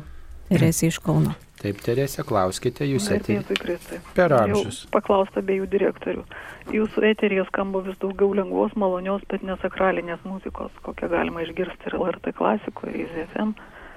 Tuo tarpu sakralinės nuostabiausias yra sukurta daugiau negu užtektų iš, išklausyti viso gyvenimo. Ir tokia išgirsti galėtume tik iš jūsų. Ar nebūtų geriau, kad specializuotumėtės? Ir ypač gaila, kad nueina užmaršti puikios lietuviškos giesmės, sukurtos geriausių lietuviškų autorių. Kas kitas, jeigu ne jūs, galėtų imtis misijos ją išsaugoti. Taip ir jeigu, tokios. Jeigu trūksta įrašų, gal galėtumėt kreiptis į klausytojus ir jie mielai pasidalintų. E, taip, tai gerų įrašų visada trūksta, tokių kokybiškų įrašų, kurie, kuriuose galėtume klausytis lietuviškų giesmių.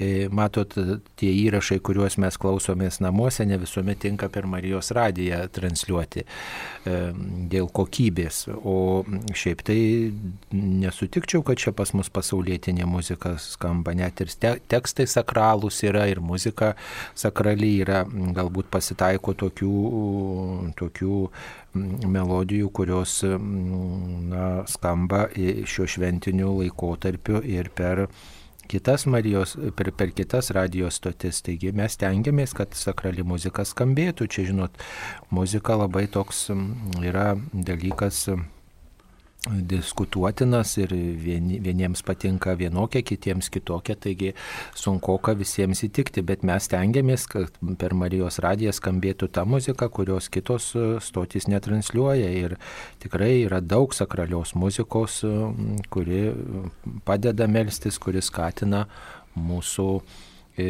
ryšį su Dievu ir padeda maldos gyvenimui. Taip,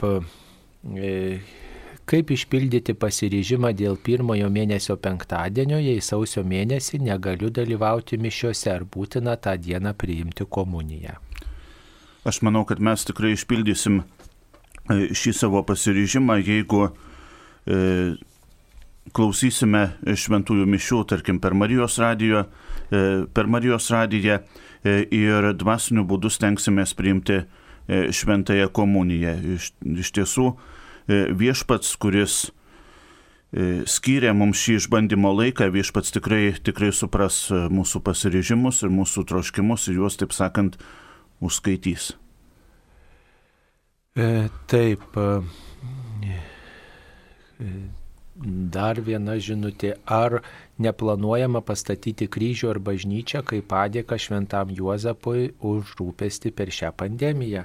Taigi Lietuvoje yra jau pastatytos bažnyčios dedikuotos šventajam Juozapui e, ir šiais metais, kai jie paskelbti švento Juozapo metai, taip pat turbūt dėmesys toms bažnyčioms e, bus didesnis ir turbūt dėmesys labai bus nukreiptas ir į šventąjį Juozapą, jį ir e, jo gyvenimą, jo, jo intencijas, jo nuostatas, jo laikyseną aptarsime ir Marijos radijo laidose, o kryžių tai jau yra pastatyta ir Šiluvoje yra pastatytas kryžius, tas vadinamas karavykas, dvigubas kryžius kuris statomas per pandemijas prašant Dievo globos ir kitose vietose, tai, e, tai tiesiog tą, tą daroma, o kai ateis pavasaris, tikriausiai ir daugiau tų iniciatyvų pasipils. Visgi man atrodo, kad e, mes pirmiausia melskimės, kad šita pandemija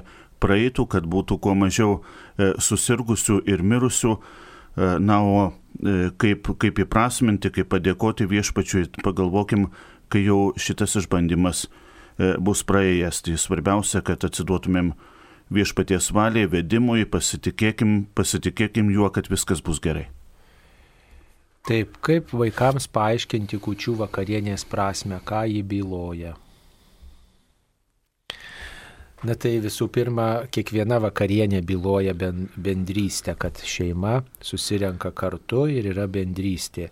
Ir vienam žmogui yra liūdna, vienas žmogus yra nelaimingas, o su kitais jisai jaučiasi laimingas. Ir mes mm, e, mm, ne tik tai susėdam kartu vakarieniauti, bet prisimenam, kad Dievas e, nori mm, žmogaus vienatvę, žmonių vienatvę, žmonių e, kreivus kelius ištiesinti, dėl to jis ateina į šį pasaulį ir mes štai švenčiam Jėzaus ateimo iškilmę ir tokiu būdu ruošiamės su juo susitikti. Tai ta vakarienė yra mūsų bendrystės e, šventė, bet taip pat ir bendrystė prisiminimas kad Dievas ateina į šeimą, kad Dievas gimsta šeimoje, dėl to šeimoje kartu su kitais mes švenčiame kaip Dievas parodo bendrystę su žmogum, taip žmogus žmogui turi taip pat parodyti bendrystę. Šiais metais galbūt tą sunkiau padaryti dėl apribojimų įvairiausių, tačiau galima ir skambinti, galima ir susisiekti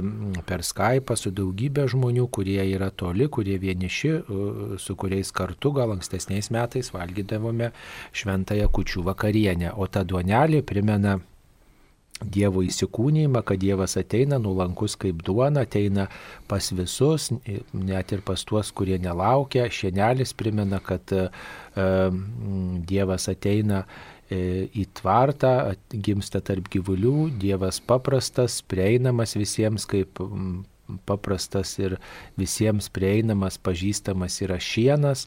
E, štai ir kalėdų eglutė simbolizuoja tą rojaus medį, e, rojų, į kurį mes grįžtame tik tai dėl to, kad gimė Jėzus, e, atėjo Jėzus į šitą pasaulį ir už mus savo gyvybę atidavė. Taip mums paskambino. Antanas iš Kelmės. Antanai, jūs esate. Garbėsiu Kristus. Per amžius. Aš norėjau paklausti, ką reiškia tikinčiam viskas galima. Nesupratom, dar kartą pakartokite. Aš norėjau paklausti, ką reiškia tikinčiam viskas galima. Tikinčiam viskas galima. Taip, ačiū. Aš manau, kad e, tikinčiam viskas galima, tai reiškia, kad kai mes pasitikim Dievu, pasidaro e, iš tikrųjų labai daug, e, daug dalykų ir tie atrodo net ir maži mūsų iššūkiai, maži mūsų, mūsų rūpešiai tampa stebuklais. Taigi tas tikinčiam viskas galima, jisai atsiskleidžia pasitikėjime Dievu. Na, Dievui yra viskas įmanoma. Tai štai toks yra paaiškinimas, jeigu tikėsime, tai jei viešpats pritars mūsų, mūsų norui, tai taip ir įvyks. Na va, toliau e, žiūrime, kokios žinutės mums yra atsiustos. Su Jėzaus gimimu yra susijęs visų Betlėjaus kūdikių žudimas. Kodėl angelas dėl erodo sumanimo įspėjo Juozapą, bet neįspėjo kitų? Kurių kūdikiams grėsė baisus likimas, kodėl seną lozorių Jėzus net iš mirusių prikėlė, o nekaltų kūdikių apsaugoti nematė reikalo. Kodėl neapsaugojo tų mm, Betlėjaus apylinkių vaikelių. Nu, kodėl neapsaugojo, nes matot, viešpats panaudoja net ir tą nekalto žmogaus kančią ir kankinio kančią, ir nekalto žmogaus kančią, e, na, kaip e, tiesiog savo misijos dalį. Ir jis ir savo sūnų visiškai nekaltą laikui atėjus taip pat matė mirštantį ant kryžiaus, leido, kad jo sūnus Jėzus Kristus, Dievas ir žmogus būtų nukryžiuotas, mirė visiškai nekaltas be jokios nuodėmės. Tai atėjus laikui neapsaugojo, tuo momentu apsaugojo, bet kai jis atliko savo misiją, e, na, tada jau ir neapsaugojo, kaip sakoma, nes mato kančios prasme, mato e, mirties, nekaltos mirties prasme. Štai tai ir tų kūdikių mirtis taip pat Dievui yra e, suprantama ir e, tiesiog jie tokią misiją atliko šitam pasaulyje, būdami visiškai nekalti. Reiškia, Dievas panaudoja tą žmogaus klaidą, žmogaus blogį į didesnį gėrį.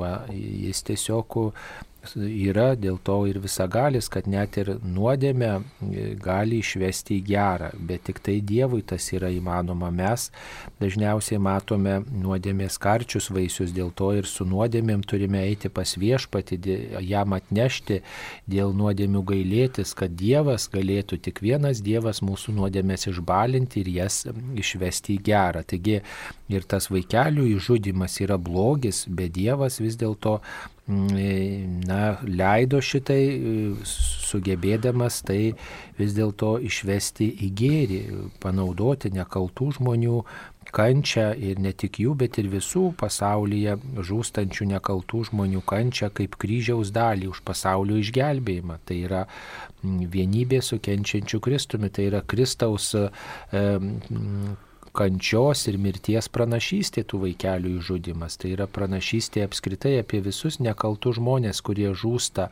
nekalti. Va. Nebent kunigė ką pridėtumėt. Tikrųjų nieko negalėčiau pridėti, tik tai, tik tai paantrinti, kadangi e, viešpats, e, viešpats ir pats e, kentėjo ant kryžiaus ir, ir jis Dievui buvo, buvo labai labai brangus ir tie e, nekaltų vaikelių mirtis tai reiškia kaip ir, e, kaip ir paties, paties viešpaties, kuris yra nekaltasis avinėlis, auka ant kryžiaus. Taip, dar čia gavome visokių žinučių apie skiepus, kaip vertinate priverstinį vakcinavimą. Tikrai priverstinio nėra vakcinavimo ir tik tai kol kas dar Lietuvoje niekas nevakcinuojamas, bet tiesiog kalbam apie tos vakcinos prasme, naudą. Vakcinuojami pirmiausiai tie, kurie yra lygos žydiniuose, ligoninėse bus Lietuvoje. Tai tiesiog apie priverstinį vakcinavimą neina kalba. Ir visada kreipiamas dėmesys į žmogaus samoningumą, kiek jis pats, pats gali apsispręsti, kiek jis, e, jis pats to nori. Ir vėlgi, jeigu mes e, nesiskiepysim, tai ko gero lyga, lyga plis. Tai šitoj vietoje mes turim, e, turim vėlgi daryti savo apsisprendimus. Na ir tie, kurie apsisprendžia nesiskiepyti, labai svarbu, kad iš įvairių šaltinių jūs savo nuomonę E, kaip čia pasakyti, pagrystumėte, remtumėte, ne tik tai, kad ten bijau, ne tik tai, kad čia gal kažkokia samokslo teorija, bet skirtingų e, šalių, skirtingų e, šaltinių informaciją, savo sprendimą pagrystumėte, va, tikrai specialistų, ekspertų nuomonėmis, bet ne patinka, nepatinka, noriu, nenoriu. Tai tokia būtų rekomendacija. E, taip, na, dar vienas klausimas, toks labai įdomus. Ryto maldoje kilo klausimas, kai Marija paklausė angelo, kaip tai vyks, jai buvo pagarbiai paaiškinta, o Zacharijui uždavus tokį patį klausimą, jis buvo nubaustas nebylumu. Man tai atrodo neteisinga, prašau jūsų nuomonės. Iš tikrųjų, e, tai klausimai e, Zacharijo ir Marijos, jie yra E, truputėlį skirtingi. Klausdamas e, Angelo Zacharijas tarsi ir prieštarauja, sakydamas, kad vat, e, aš jau senas ir aš biologiškai žinau, kad man taip, taip nepavyks. Tai šitam klausime Dievas yra tarsi apribojamas tarp žmogiškųjų dėsnių, logikos dėsnių, net ir biologijos galbūt dėsnių, o tuo tarpu Marija jinai klausia, klausia paaiškinimo kad e, aš esu nuolankė viešpaties tarnaitė, tačiau e, ką man reikės daryti, kad, kad visa tai įvyktų. Ji nepateikė e, viešpačiui savo iš ankstinės logikos, kad Dievas, Dievas būtų kažkaip tai apribotas. Ji tiesiog, tiesiog teiraujasi, ką, ką jai reikės daryti, ko, ko Dievas prašo iš jos, kad visa tai įvyktų, tie didieji, didieji lūkesčiai įsipildytų. Taip, taigi skirtingos laikysenos galų gale Dievas mato žmonių širdis, mato ir Zacharijo bejonę, o Marijos sumišimą, taip galbūt galėtume apibūdinti jų laikyseną ir jų klausimus. Tai turbūt Dievas e, žiūri į žmogaus širdį, ne tik tai į ištariamus žodžius. Taip, Dar vieną turime žinutę, kas yra O antifonos. Gal galite paaiškinti? E, tai yra tos antifonos, tokios, mm, at, tokios maldos, maldos sakiniai, atliepai, kurie e, štai šiuo laikotarpiu yra skaitomi prieš Evangeliją, klausantis Evangelijos nuo gruodžio 17 iki 23 dienos. Ir taip pat šios antifonos, šios, šie maldos tekstai skaitomi prieš vakarinėje maldoje, prieš Magnificat giesmę, prieš Marijos giesmę. Ir tai yra tokios, tokie kreipiniai, kuriuose kreipiamasi į Dievą, apibūdinant jį tam tikrų e, terminų e, išreiškiančių Dievo e, Dievo galybę, Dievo grožį, o išmintie, o galingasis, o jas išaknie, o raktė užtekantis, o karalio, o Dieve su mumis. Kiekvieną dieną vis kitų kreipinių kreipiamas į Dievą, laukiant e, jo ateimo į šį pasaulį. Ir štai šie visi e, kreipiniai yra paimti iš Senojo testamento, iš Senojo testamento pranašyščių ir tai yra tam tikri simboliai, kuriais išreiškiamas ilgesys, e, troškimas viešpatį sutikti. Taigi gražų sakiniai juos verta įsiklausyti. Taip, dabar dar viena žinutė yra, e, kada po gimimo žmogaus kūne atsiranda siela ir kuo jis skiriasi nuo šventosios dvasios. Tai čia dažniausiai. Iš tikrųjų, šventoji dvasia tai yra trečias švenčiausiosios trejybės asmuo e, ir žmogus tai nėra šventoji dvasia. Dievas, Dievas kurdamas žmogų įkvėpė dvasios. Ir vėlgi klaidinga manyti, kad dvasia atsiranda žmogui gimus. Pagal bažnyčios mokymą dvasia žmogus yra kūnas ir dvasia nuo pat prasidėjimo momento, tai nuo pat lastelių užsimesgymo motinos iščiose. Ir iš to, iš to ir kyla tas, ta mūsų gyvybės kultūra, tas mūsų troškimas apsaugoti gyvybę nuo prasidėjimo momento iki pat natūralios mirties, kadangi ir ką tik tai e, prasidėjęs žmogus, dar motinos iščiose būdamas, jis jau yra e, pilnas žmogus toks kaip ir turi būti, su, su mažyčiu kūnu galbūt ir su siela. Taip, mums paskambino. Pranciška iš Vilniaus. Taip, Pranciška, klauskite, jūs eteryje. Taip, jūs, jūs girdi visą Lietuvą, klauskite. Aš e, norėjau paklausti tokio klausimo. Mano prieš 25 metus mirė vyras vėžių. Ir e, kai jis paprašė žvakės, buvo namie, mirė namuose, kai jis paprašė uždegti jau žvakę, man sako, jis blaškėsi ilgai ir e, sakau, nu ką čia išgalvoju, sakau, tai čia jau turiu, o, o šiaip gydytojai jam sakė nesakyti, nes labai jautrus buvo, nežinau kodėl, bet liepė jam nesakyti apie jo lygą, nes jau čia gali, galima buvo suprasti, kad čia yra. Vilniui buvo operuotas ir e, jis man paprašė uždegti žvakę. Sakau, ką tu čia išgalvojai, sakau, ar jau čia dabar mirti ruošiesi. Sako, o kaip aš nemirsiu, kad sako, va, jau atėjo manęs pasiimti. Ir aš nieko neklausiu, aš galėjau, paskui galvoju, kodėl aš nepaklausiu, ką tu čia matai, nes man ta žodis va. Aš supratau, kad jis kažką tai mato. Taip, ir ko norite klausti? Tai aš noriu paklausti, ar čia kas nors galėtų, e, ka, ką čia reiškia, ką jis galėjo matyti. Taip, ačiū, kad jūs rūpinatės štai tokiu klausimu. Mirties valanda yra iš tikrųjų slėpinys ir šitoj vietoje aš manyčiau, kad e, galbūt ir pasireiškia mūsų e, ta didžioji Dievo dovana, viena iš didžiųjų Dievo, dievo dovanų Angelas Sargas, kuris, kuris mums ir, ir primena, kad vat, aš tau padėsiu, padėsiu pabaigti šitą, šitą žemės kelionę ir, ir tęsti gyvenimą ten, kur e, die, Dievo artumoje. Taigi, iš tiesų mes negalėtumėm pasakyti, kas, kas konkrečiai ten, ten yra, galbūt tai yra pasąmoniniai dalykai kokie nors, iš tikėjimo pusės, tai galbūt sakykim, kad tai yra mūsų didysis padėjėjas Angelas Sargas, kuris tą akimirką atėjo palaikyti už rankos. Bažnyčios liturgija palydėdama mirusi žmogų kalba apie angelus ir prašo, kad štai angelai nuvestų į viešpaties prieglopsti ir maldose mes tą išreiškėme.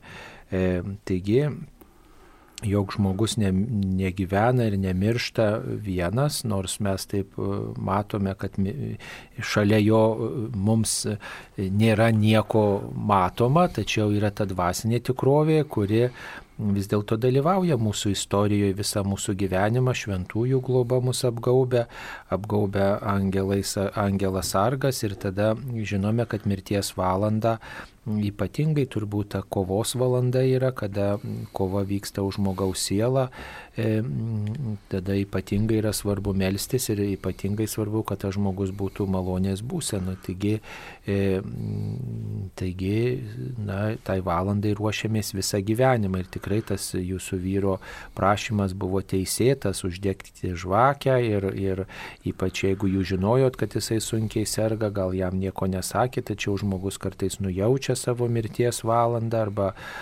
štai gauna kokį ženklą apie tai ir, ir vat, gali būti, kad net ir nežinodamas, kad čia štai sunku jam, vat, jis gavo kokį ženklą, ant gamtinį ženklą ir va štai paprašė, štai, kad jūs uždegtumėt žvakę.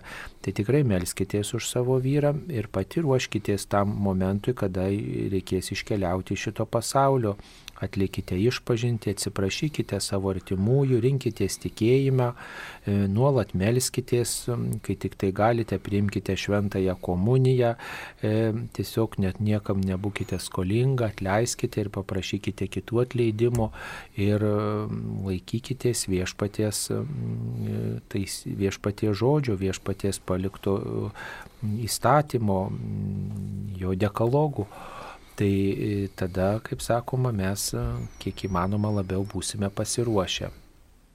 Dar vienas klausimas apie Jėzaus gimimo datą.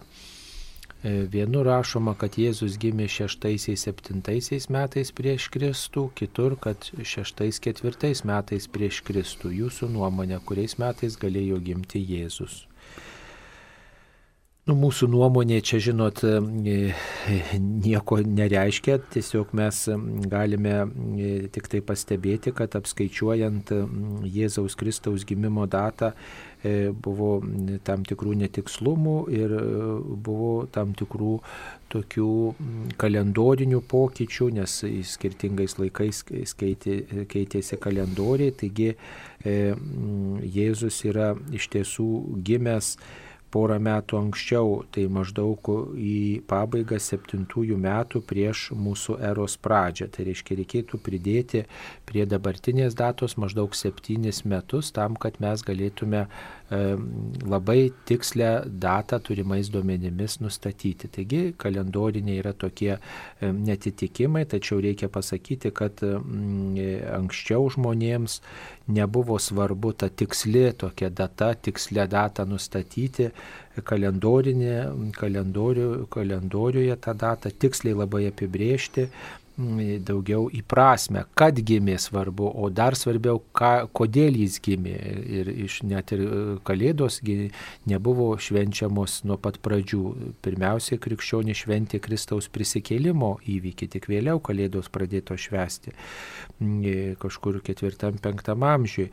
O, o, o pirmosios krikščionių kartos šventė Kristaus prisikėlimo įvykį. Tai buvo svarbiausia. Taigi tas kalendorinis tikslumas nebuvo svarbus svarbus tiems pirmiesiems krikščionėms dėl to ir vėlesniais laikais į tai nebuvo atkreipta dėmesį. Mes dabar čia norim viską įrodyti, viską apčiuopti, tikrumu visko įsitikinti, bet pametam prasme. E, ir Biblijos e, uždavinys yra klausti, koks tikslas yra, kokia prasme yra, o, o, o tas istorinis atitikimas yra, na, tiesiog antrailis dalykas. Mums paskambino.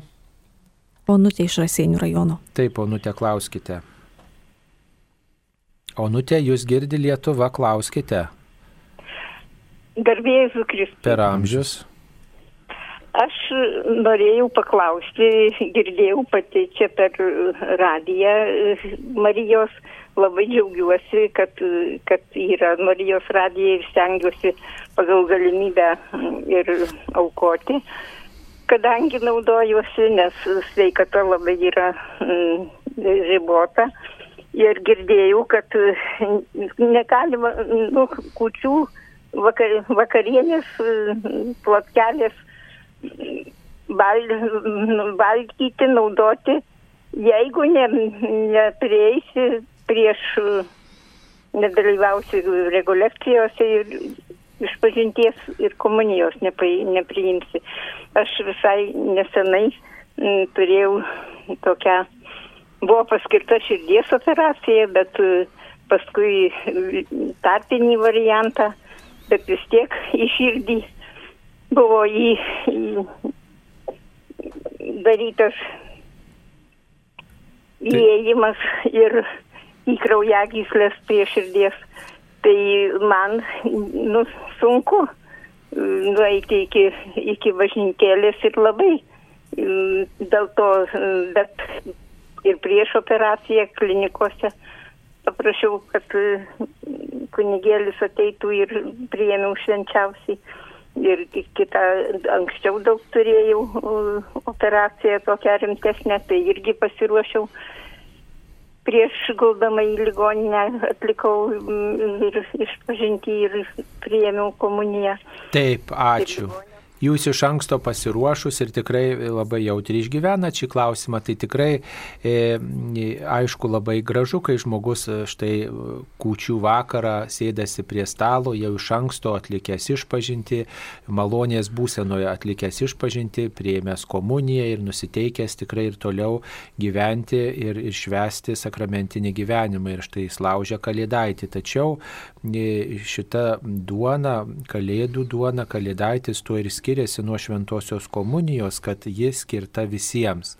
E, net ir tas žmogus, kuris gal nelanko bažnyčios, yra netikintis, bet yra jūsų šeimos narys, jisai gali laužyti kalėdaitį, net jeigu jis yra ir kito tikėjimo, tačiau pritarė šito šventės prasmei, na va tokią bendrystę nori išgyventi ir na, tam, tikra, tam tikrų savo buvimu jau jisai, jeigu toj vakarienėje dalyvauja, jau jisai pritarė, jisai prisiliečia prie to slėpinio. Taigi griežtąją prasme nėra būtina atlikti išpažinti, priimti šventą komuniją tam, kad galėčiau valgyti kalėdaitį. Tai jūs tikrai nesikrimskite, jūs einate tikėjimo keliu, jau jūs ir minėjot, kad ir anksčiau esate šventus išpažinti ir prieimus komuniją. Tai tikrai ramiai savo laužykit su tais šeimos nariais, kurie yra jūsų namuose, kučių vakarienės metu kalėdaitį, o kai pasitaikys proga, jūs tikrai atlikite išpažinti, priimkite šventąją komuniją ir, ir tikrai dėkokite Dievui, kad turite tokį gražų, tokį jautrų tikėjimą.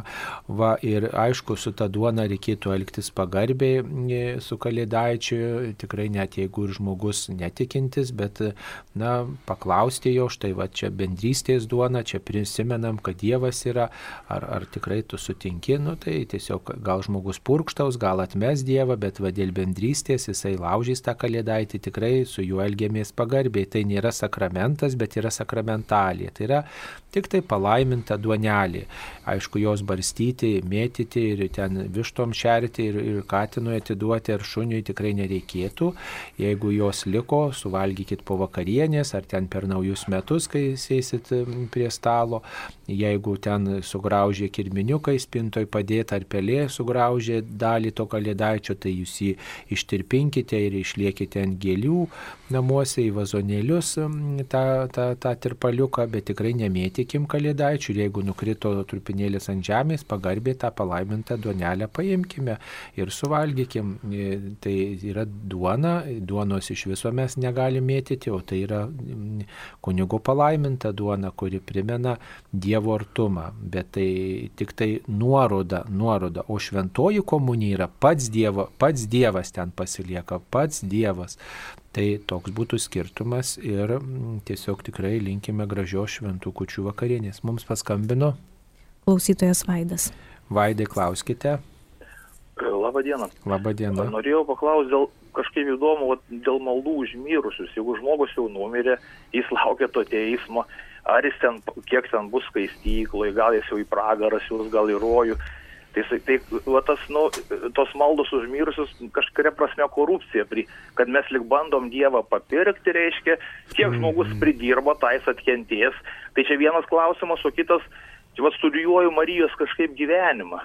Mm. Tai labai mažai žinių, bet kažką vieną va, supratau, kai tos vestuvės kanui buvo, tai aš va, taip irgi kažkaip man išmašiau įdomi, kaip teologiškai, taip, reiškia, taip supratau, kad lyg Marija kaip buvo mėgėja išgerti, nes vynas baigėsi, jau reiškia užtenka, o jinai, jie, matai, kai su tais vyrais ten išgėrė, jie pasakė, kad mano sunus ten jis gali paversti vyną vandeniu, viską, vyno nėra, tai jiegi patys neis, nes jeigu jie nueis, tai jie sakys, Jėzus jiems sakys, eikite lauk pijokai prakeikti, o kai siuntė motiną, jis motinai negali prieštarauti, tai nueina, reiškia, nori dar išgerti, va, sunau, mums baigęs vynas, padaryk čia nais reiškia tą vandenį vynu. O kitas dalykas labai keista, dėl Marijos insantokui gyveno, vieni kunigai kalba, kad ji negalėjo turėti lytinių santykių, nes santykiai atsėti seksas užteršia kūną ir nebūtų paimta į dangų, reiškia, su visų kūnu, nes seksas užteršia, negali paimti. O Veprauskas klausia, sako, o kur parašyta, kodėl, sako, tai pirmo, sako vyra, pirmo to savo sunaus, tai aišku iš Dievo, tai O paskiau, sako, tai Juozapas sako, jai, ateik čia, sako, kodėl jin turi, gyvena santokui, viskas myli, nes tas tikėjimas, kad neturėjo santykių, tai išeitų, kad kad Marija, vat reikia tikėti, kad jin buvo veganė, sakysime, ir plikai skutos galvo. Nu tai čia jau jūs, melasis, truputį džiazuojatės, taip pasakius, ne? Mes galim daug ko priešnekėti, tas pasakė, na, tas pasakė, na, žiūrėkim bažnyčios mokymo, žiūrėkim švento rašto, žiūrėkim, taip sakant, sveiko proto ir ten kas, e, kas ką pasakė, tai dar nereiškia, kad e, to turime laikyti. Žiūrėkim, ką, e, ko moko bažnyčia. Kad... Iš, iš tikrųjų, mums, e, mūsų tikėjimų užtenka to, kas yra parašyta Naujajame testamente. Ir Naujajame testamente Evangelijoje pagal Joną tikrai neparašyta, kad, e, kad Marija gėrė ar dar kažką tai, e, kažką tai darė, kad Jėzus turi klausyti motinos. Kaip tik Dievas yra aukščiau už, už Mariją.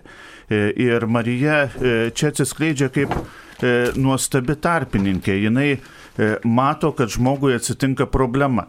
Ką reiškia vynas šventajame rašte? Šventajame rašte vynas reiškia džiaugsmą. Taigi e, šitoj šventėje baigėsi džiaugsmas. Tai iš tikrųjų e, reikėtų vat, pasvarstyti, atsakyti į klausimą, ar šventė be džiaugsmo dar gali vadinti švente.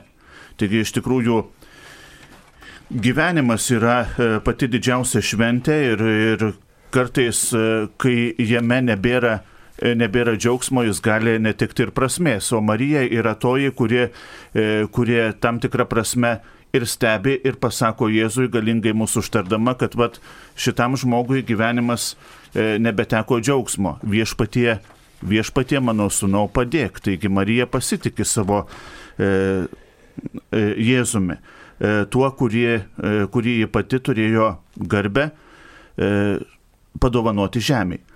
E, pirmoji klausimo dalis, ar iš tikrųjų mes e, ne, nesivadovaujam kokiais nors korupciniais motyvais melzdamiesi už mirusiuosius.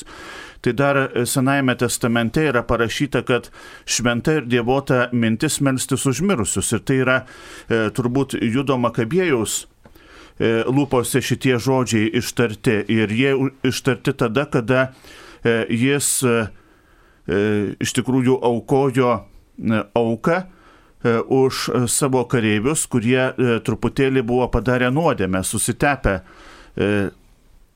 religiškai. Taigi iš tikrųjų melstis už tuos, už, už visus žmonės yra ne tik tai, kad reikalinga, tai yra labai pras, prasmingas dalykas, nes kiekvienas, kiekvienas iš mūsų turbūt esame padarę vieną kitą nuodėmę ir tik tai Dievo gailestingumą mes Dievo gailestingumas gali e, visą tai nuvalyti. E, ir iš tiesų melzdamiesi mes pavedam viešpaties gailestingumui ir kartu išpažindami, kad viešpatie tegul, tegul galutinį žodį tarė ne mano subjektyvi nuomonė, kaip man atrodė, bet, e, bet tavo gailestingumas, nes tu matai ne, ne, ne rezultatą, bet tu matai širdį. Bet to melzdamasis užmirusius, mielasis, jūs ir pats ruošiatės tai valandai. Neužmirškite, kad Dievui yra nuolat dabar. Mes tai čia sakom, aha, dabar čia toks etapas, tada toks etapas, o Dievui yra nuolat dabar. E, jis yra virš laiko ir jeigu jūs melžiatės, tai jūs už savo mirusius artimuosius, tai tuo tuo pačiu ir jūs mastote apie tą valandą. Ir kai atsidursite, va štai mirties E, valandoje, tai pamatysit, kaip yra gerai, kad už jūs irgi kažkas meldžiasi tuo metu. E, kai jūs peržengsit šitą e, slengstį, jūs taip pat džiaugsitės kitų žmonių solidarumu. Juk paprastas dalykas, paimkite, štai atsidurėt jūs ligoniniai, jūs veža, pavyzdžiui, ligoninę greitoji. Tai jūs turbūt labai apsidžiaugsite, kad E, štai tą greitąją praleidžia kiti vairuotojai, neužkiša, e, tiesiog pavažiuoja į šalį e, automobiliais štai ir, ir, ir jie vat, praleidžia tą sunkiai sergantį ligonį, kad jis kuo greičiau na, būtų priimtas ir jam suteikta pagalba. Taip brangus solidarumas arba kai štai prireikia kažko, mes džiaugiamės, kad kažkas paskolina, kažkas patarė, kažkas tikrai sunkia valanda mums pagelbsti. E, tai ir tas meilės e, patyrimas, meilės paslauga, patarnavimas e, lieka svarbus net ir po mirties, kada mes na, parodom meilę, susirūpinimą, gerumą tais, kurie iškeliavo pirmą mūsų. Ir nesvarbu, ar tai mūsų artimasis žmogus, mes savo artimaisiais tarsi labiausiai esam suinteresuoti, tačiau jeigu jau jie yra danguje, tai tikrai ta malda nepraeina veltui. Ta malda, kaip mūsų solidarumo ir bendrystės ženklas, yra Dievo priimamas kaip pagalba kitiems iškeliavusiems, kuriems galbūt tikrai tuo metu labai reikia mūsų palaikymo, mūsų solidarumo ir bendrystės. Taigi, mielasis klausytojau, labai kviečiu melstis už save, už mirusius ir negalvokit, kad čia korupcija, bet tai yra e, meilės korupcija, jeigu jūs norite.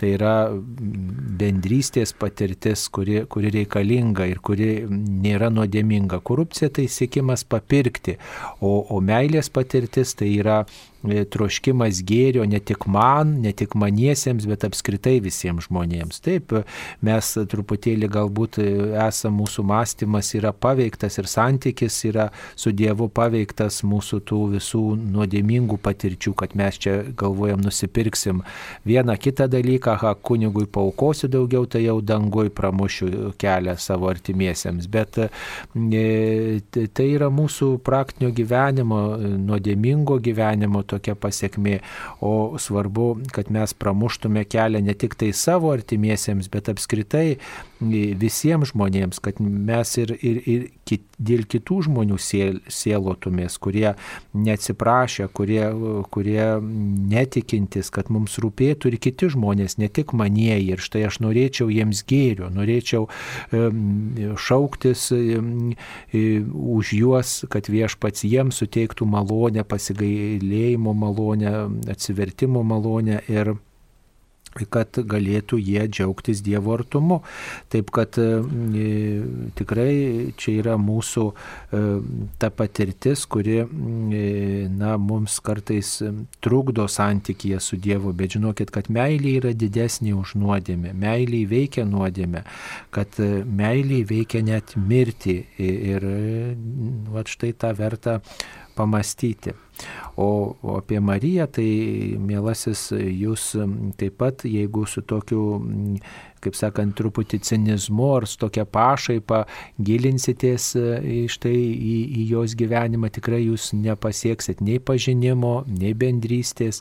Ir tikrai Marija yra ypatingas žmogus ir tą reikia skaitytis. Ir jeigu taip labai paniekinančiai žiūrimi Mariją vulgariai, na tai, taip sakant, mes ne, ne Dievo pažinimo siekiam, bet labiau mes esam piktojo tokie, piktojo įrankiai, tokie cinikai, kurie tikrai neartėjam prie Dievo, bet nuo jo iš tiesų tolstam, naudodamiesi tokiu geru Dievo įrankiu protu, mes tolstam nuo Dievo. O žinokit, tam, kad įmintume mergelės Marijos gyvenimo istoriją, reikia tam tikro tokio tokios pagarbos, klausimo, nuolankumo tam tikro ir tam tikro tokio atvirumo slėpiniu. Visuomet mergelė mus, Marija bus kažkas daugiau, negu kad mes galim suprasti, suvokti. Dievas bus daugiau, negu kad mes galim išaiškinti. Na, dar viena tokia žinutė apie šitą jūsų ką tik cituotą Evangelijos ištrauką, e, aptartą minėtą Evangelijos ištrauką Evangelija pagal Joną apie tai, kaip Jėzus vandenį pavertė vynu. E, tai reiškia, kad Jėzus vandenį pavertė į džiaugsmą, turbūt taip nori patikslinti klausytojas. Taip. Taip, tai reiškia, kad Jėzus mūsų kasdienius tokius rūpeščius, problemas e, jis e, sugeba perkeisti į nesibaigiantį džiaugsmą ir pilnatvę. Na ir paskutinis klausimas šioje laidoje, jei Jėzus iš Dovido giminės, tai jis nėra dieviškojo, Dievas nėra dieviškojo vaikelio autorius. Iš tikrųjų, tai e, dar ir Senajame testamente yra E, parašyta pranašų knygose, kad e, Jėzus, Jėzus gims iš Davido giminės. Tai yra kaip ir e, Davido giminė tarsi, tarsi pati garbingiausia, tarsi, tarsi pati didžiausia ir tai yra karalių karalius ir viešpačių viešpats. Tai yra visos išrinktosios tautos lūkesčių, vilčių apvainikavimas. Na, e, Davido giminė, daugiau kilimas iš Davido giminės yra simbolinis. Ir štai Evangelijoje pagal matą skaitome visą tą eilę Davido Dovido dinastiją. Ir štai paskutinis sakinys yra toks, Jokūbui gimė Juozapas, vyras Marijos, iš kurios gimė Jėzus, vadinamas Kristumi Mesiju. Taigi daugiau yra teisinė prasme e, Jėzus Dovido palikonis, teisinė prasme, nes jis yra teisiškai Juozapo sūnus, bet va štai dievystė ateina iš paties Dievo, e, o žmogystė ateina iš mergelės Marijos. Juozapas yra globėjas, va ta tokia fizinė prasme, bet teisinė prasme jis yra tėvas. E, jis yra tėvas e, šito vaikelio atsakingas už jo ūkdymą, už jo palydėjimą. Tačiau visa dievystė, Jėzaus dievystė gauta iš paties Dievo. Tai tiek, mėlyjeji, suspėjome atsakyti šioje laidoje į jūsų atsiustus klausimus.